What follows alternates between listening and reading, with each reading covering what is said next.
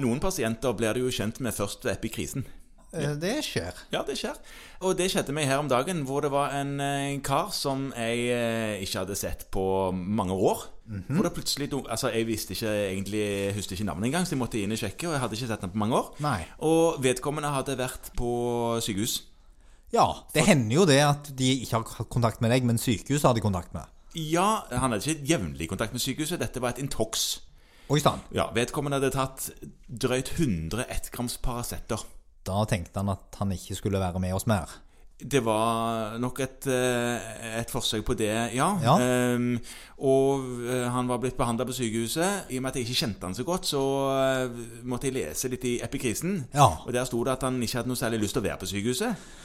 Nei, Nei. ofte blir det jo holdt tilbake en stund, i hvert fall. Ja, Han var blitt holdt tilbake en stund og fått ipøst seg ganske betydelige mengder med sånn eh, antidot. Ja. Holdt jeg på å si bron- bronkyl, men altså acetylcystein. Ja.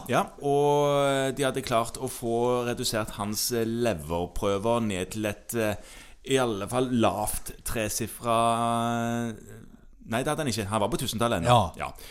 Men der var det, sto det noe om et legemiddel som jeg måtte sjekke ut litt.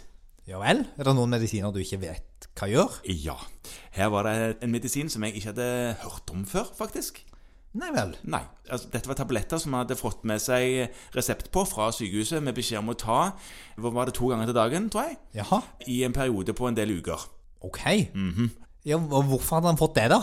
Han hadde fått dette fordi de mistenkte, eller med rette, at han hadde en sånn eh, encefalopati, hepatisk encefalopati. Ja, eller at han kunne få det? Ja, de var redde for at det skulle For, utvikle for seg. nå Ja. er vi jo inne på noe av det at noen av disse som har eh, leverskade Ja. Og ved paracetamoloverdoser så er det først og fremst leverskaden vi bekymrer oss veldig for. Mhm. De kan jo få hepatisk encefalopati. ja, og det var det de var redde for. Ja. Og eh, så vidt jeg forsto, så var dette pga. opphopninger av giftstoffer i blodet. ja. Det som skjer, er at når, når leveren ikke gjør sin rensende funksjon, så kan det hope seg opp massevis av gift, bl.a. ammoniakk, i Ammoniakk? blodet. Ja. Altså, am- altså sånn som man ser ved eh, f.eks. nyresikt. ja, det Ja. Ja, hvor, hvordan, hvor- hvorfor det?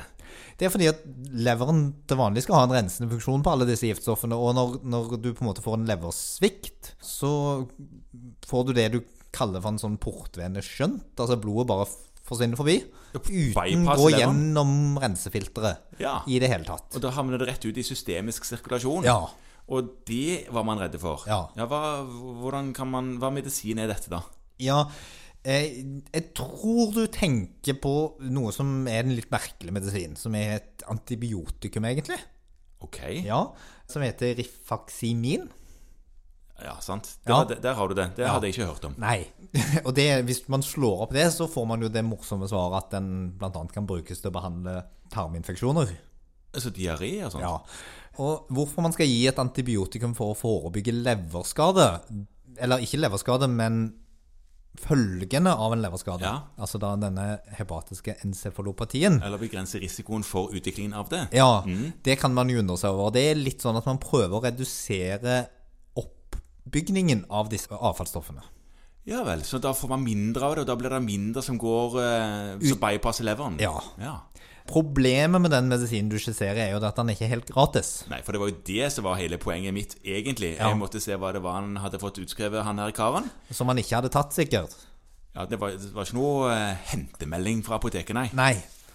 For det, jeg husker ikke Hva er prisen? Ja, det koster ca. 3500 for eh, 56 tabletter.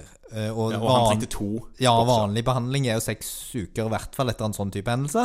Ja. Så kan man få det på blå resept hvis man har en kronisk leversykdom med Ja. tilbakevendende encefalopatier. Ja, Eh, Da kan man nok få det på blå resept. nettopp. Men ikke vet en tox. Det er jo, åp- det, det er jo kanskje definisjonen på ikke-tilbakevendende. Nei, det er jo det Forhåpentligvis. som er, er litt av utfordringen. Sånn at ved kronisk leversvikt Mm. så er det faktisk noe som finnes og som brukes. Det er jo ikke noe man skal begynne med i allmennpraksis. Jeg tenker at pasienter med kronisk leversvikt kan jo godt følges opp av en eller annen sykehusdoktor i tillegg. Ja. Men det var kanskje nytt for deg at eh, dette medisinen finnes i det hele tatt? ja, men jeg, altså, da lærte jeg jo noe. Og, altså, jeg lærer noe, gjør jeg hver dag. Men å høre om en ny medisin, Ja. det er ikke så veldig ofte. Det, det som er morsomt, det er jo at den er jo òg brukt mot irritabel tarm. Og Ja. Tenk at den skal være bra irritabel, den tarmen, for at du gidder betale 3500 for det. Ja, for 56 tabletter, Ja. og så trenger du sikkert mer.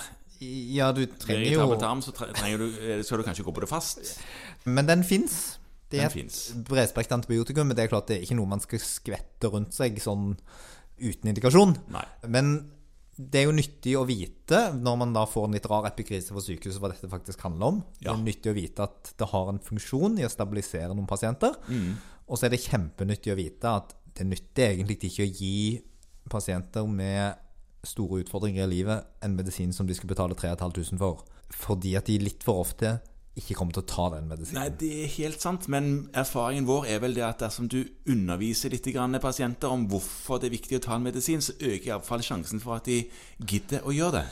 Ja, og der kommer dette med samhandling med de som har hatt pasienten. At hvis på en måte vi hadde fått god informasjon om dette, og hvis det hadde vært tydelig for deg i epikrisen, Ja. og ikke etter at du hadde brukt en halv dag på internett for å finne ut av det, Nettopp.